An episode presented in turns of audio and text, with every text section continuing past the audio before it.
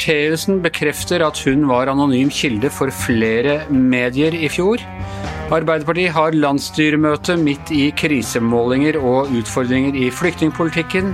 Og det amerikanske presidentvalget kan nok en gang bli avgjort i Florida. Dette er Giæver og gjengen, og det er onsdag den 16. september. Først, Astrid Mæland, hva skjedde i retten i dag? Jo, nå har vi kommet til 17.2.2019, eh, da søppelbøtta til Laila Anita Bertheussen brant, og det kom et trusselbrev i posten der det sto 'trekk anmeldelsen'. Dette er den andre av de eh, radene av trusselhendelser utenfor eh, huset, eller mot Bertheussen. Hun har forklart seg om det i dag. Det var en dag der hun deltok i en debatt om dette teaterstykket som er så omtalt, på morgenen. Hun fikk vite at anmeldelsen som hun hadde sendt inn mot teatret, var henlagt. Så dro hun hjem, og der eh, ringte etter hvert en tolvåring på som sa at søppelbøtta sto i brann. Og eh, da kom det jo politi, og vi fikk høre at Bertheussen ringte Det var avspilt at hun ringte brannvesenet og til politiet. Um, og så har det også vært da litt om eh, hva skal vi si, mediestrategien til Bertheussen. En påstått mediestrategi som hun selv hevder at hun ikke har hatt. Ja, altså Det som skjer videre denne dagen, da dette skjer rundt klokka to, eh, den brannen, det er jo at eh, Bertheussen blir avhørt et par ganger. Sist gang klokka sju av politiet. Der sier hun klart og tydelig at hun aldri har snakka med media, at hun aldri svarer på telefon. Hun har ikke engang sagt ingen kommentar til media når de, de har spurt. Hun er en svært privat person som hegner om privatlivet sitt. Så har aktoratet i dag da lagt fram eh, bevis på det motsatte.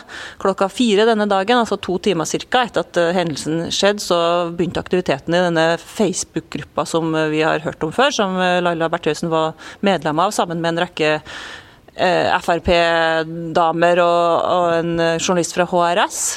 Human Rights Service? Ja, Human Rights Service. Um, da tipsa hun dem, disse kvinnene, om at um, det har skjedd det som hadde skjedd, og de ble kjempenysgjerrige, de ba om bilde. Og uh, Human Rights Service skrev da en sak, fikk lov til å bruke bildet som Laila Anita Bertheussen hadde sendt, tipsa NRK. Uh, og det ble en stor mediesak av det.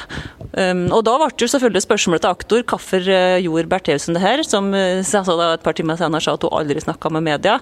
Og hun måtte jo på en måte um, innrømme at det stemte ikke helt at hun ikke har snakka med media, men hun så mer på denne um, HRS, altså Human Rights Service, som en sånn venninne, journalisten der, sa hun i retten, Bertheussen. og um, hun ville jo ha oppmerksomhet omkring dette, det, det innrømte hun jo, for at hun syntes det var så ille det som har skjedd. Og så har også både First House, eh, PR-selskapet som, eh, som eh, en samboer, Tor Mikkel Wara, hadde permisjon fra, og Verdens Gang vært nevnt i retten i dag.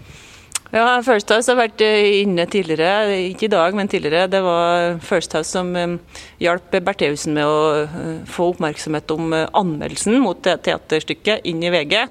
Eh, en, eh, hun tok kontakt med en ansatt i First House som sa at eh, han skulle, skaffe, han skulle hjelpe henne. Og noen dager etterpå så sendte han fornøyd en link med saken i VG og spor om hun var fornøyd. Dette er saker hvor ethvert medie ville ha hoppet på. altså Eksklusivt få tilgang til bilde av hærverket, få vite om anmeldelsen og sånn. Hvorfor bruker aktor så mye tid på disse tingene her?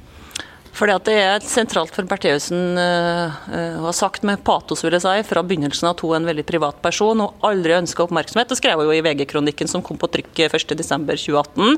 og Det var det som gjorde det så spesielt ubehagelig at dette teaterstykket hadde filma husveggen hennes. Men så prøver jo da aktoratet å legge fram tvert om. Var jo, hun var jo delaktig i å få alle disse journalistene på tomta, som hun har klaga masse over at var der og syntes var problematisk. Hun var jo delaktig i å skaffe stor medieomtale. Hun, det var jo hennes bilde som kom ut i ja, NRK og andre medier.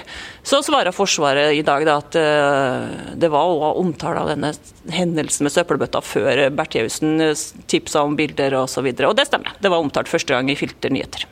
Det ble sagt at uh, rettssaken går fortere fram enn man først hadde beregna?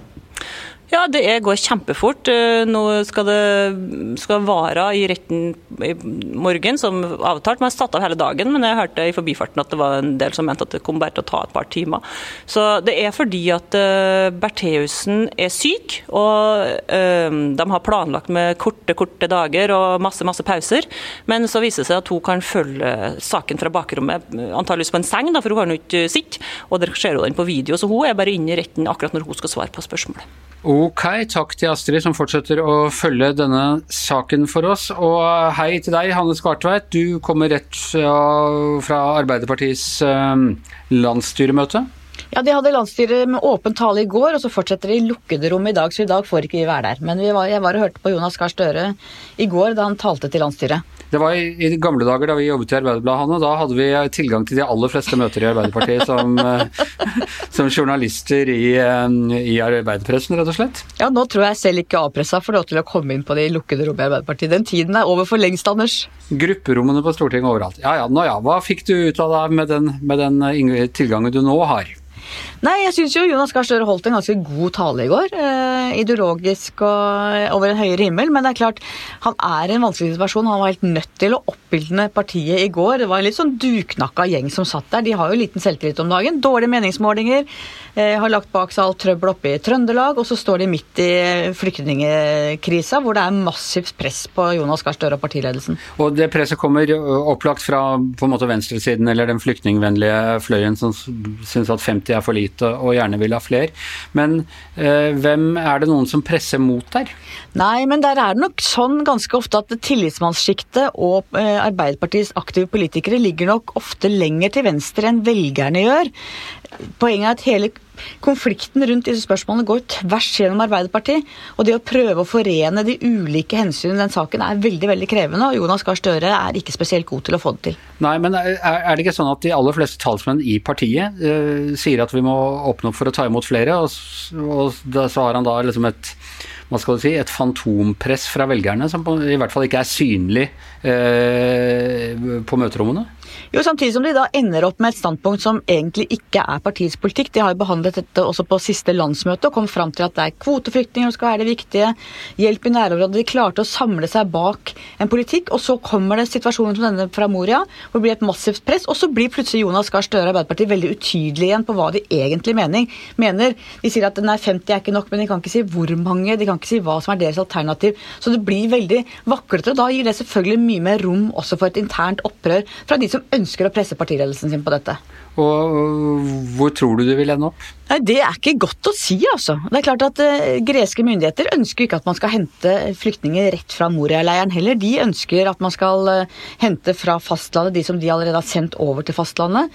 Uh, det å hente ut 50 eller 70 eller hva det måtte bli, løser jo ingenting i forhold til det store problemet. Jeg syns regjeringa fører en veldig fornuftig linje her. det er det ikke mange i Arbeiderpartiet som syns, da. Men, men, det er klart man bryter jo da den faste alliansen som har vært mellom Høyre og Arbeiderpartiet, hvor de har stått ganske faste om de grunnleggende prinsippene i disse spørsmålene, og det er kanskje i ferd med å smuldre litt opp. Da er det en sak hvor det i hvert fall kan være et tydelig skille på Arbeiderpartiet og øh, regjeringen. Kan ikke det være en fordel øh, for Arbeiderpartiet, når, når det er så mye som på en måte er ullent å forstå hvor øh, forskjellene går? Jo, bortsett fra at, at, det er som sagt skillet går midt i Arbeiderpartiet. Det er ikke sånn at alle Aps politikere heller står på den linja hvor de vil ha en mye, mye, mye mykere tilnærming. Det er jo begge deler i partiet òg, så problemet er jo at, det er, at de er dypt splitta i det. Så det er mer i Arbeiderpartiet enn mellom Arbeiderpartiet og Høyre, egentlig. Ok, det blir spennende å følge framover. Da skal vi ha Jeg har fortsatt såpass mye høytid knyttet til det at jeg introduserer den hver dag. Vi skal ha vår nye USA-vignett.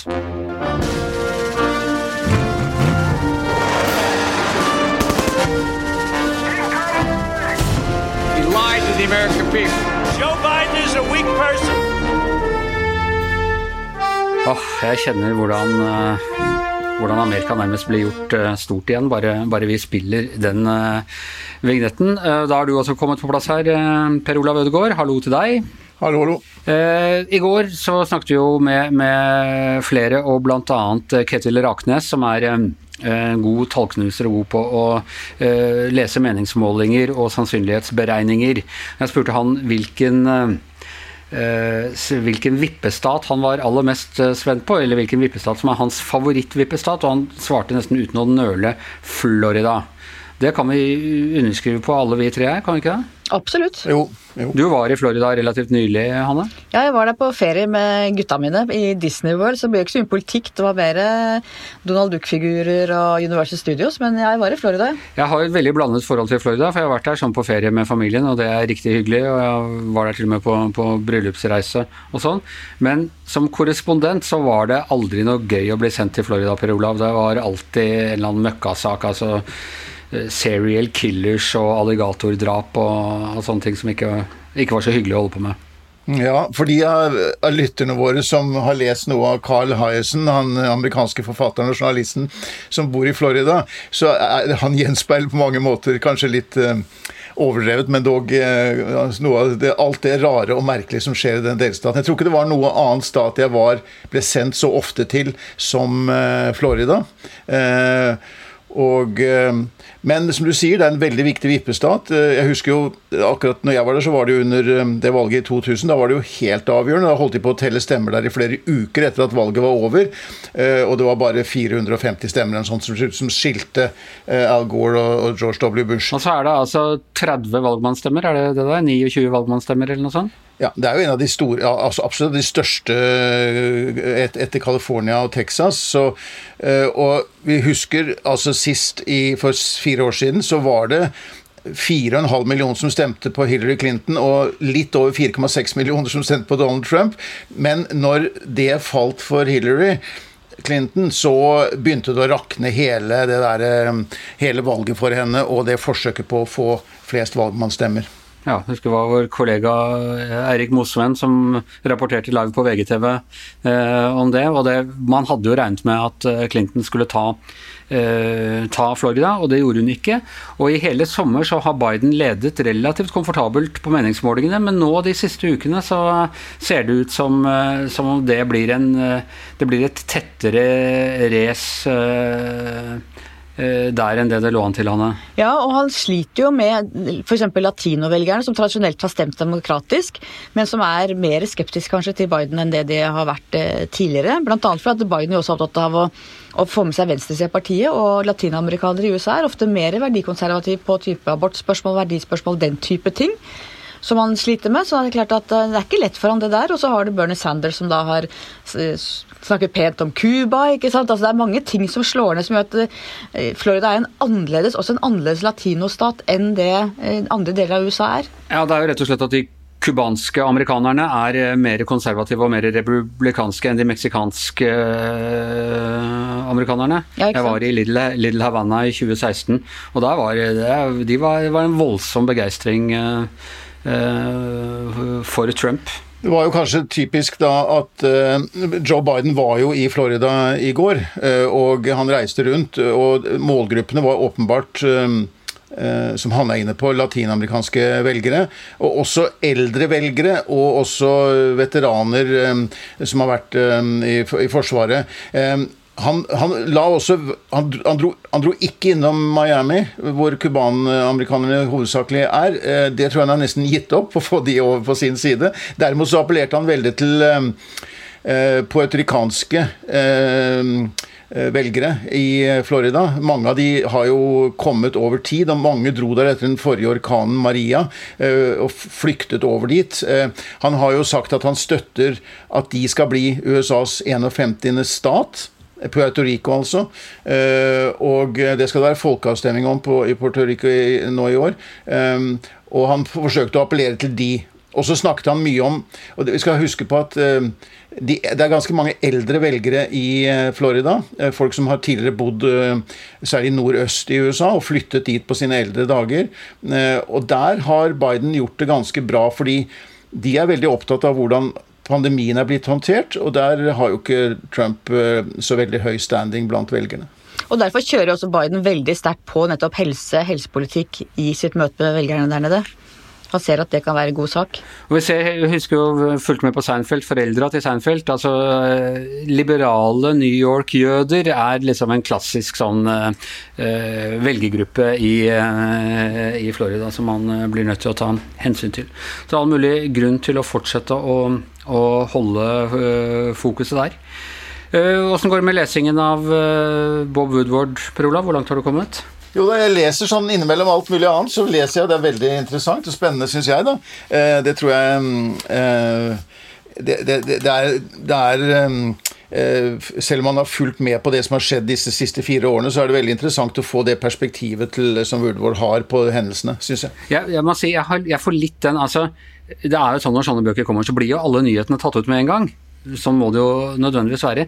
Men jeg får litt sånn når jeg leser at det er litt sånn på julaften hvis du har, eh, kikka på alle de spennende pakkene, og så må du bare sitte og pakke opp alle de bløte pakkene eh, etterpå. Det er litt sånn nå, for, for alle de store tingene er, er jo da tatt ut uh, nyhetsmessig.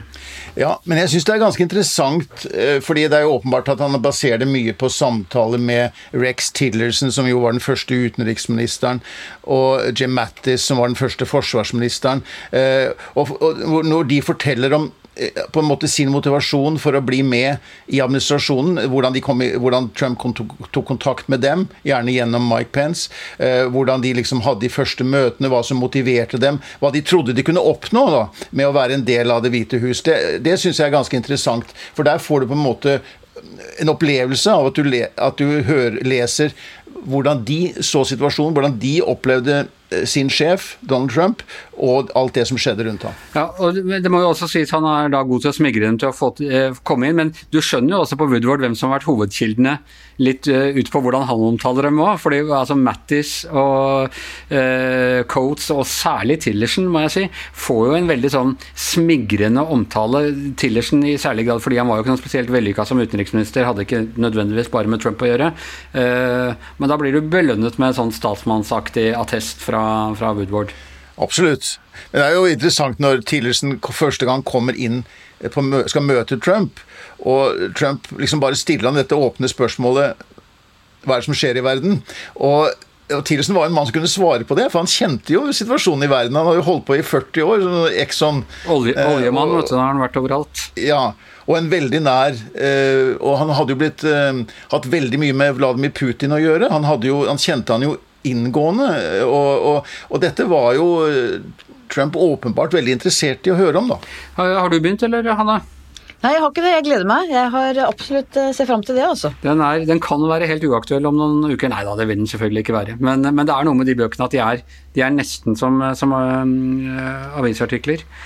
Um, Per Olav og jeg har en liten sånn på å finne fram et uh, sitat hver gang. Hva har du, inntil vi blir ferdig med boka, hva har du funnet fram til i dag, eh, Per Olav? Ja, det er ikke noe storpolitikk eller de viktige spørsmål, men jeg syns det var en litt morsom historie. Altså, Bradley Byers er en eh, Pentagon-mann som eh, tidligere jagerflyger, som har da fungert som en slags mellommann mellom Forsvarsdepartementet og Det hvite hus, og som dermed var veldig mye i Det hvite hus, og på møter der ofte satt inn for Mattis i møter også. Han var satt på kontoret i The Oval Office 9, nei, 21. juli Eh, det første året. Og mm, eh, da uh, satt Trump og signerte noen papirer, og så, reiser, og så ser han plutselig på, uh, på Byers og spør er du en bryter.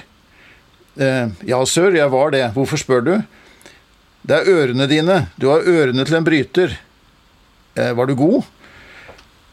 og Byers svarer ja, sir, jeg klarte meg godt. Og Trump sier jeg er sikker på at du var god. Vet du hva? Jeg ville vært en fremragende bryter. Jeg har aldri gjort det i hele mitt liv, men jeg ville vært en stor bryter. Vet du hvorfor? Nei, sir. Hvorfor? Fordi jeg er tøff. Og du må være tøff for å være en bryter. Han hadde, han hadde kunnet gjøre det meste.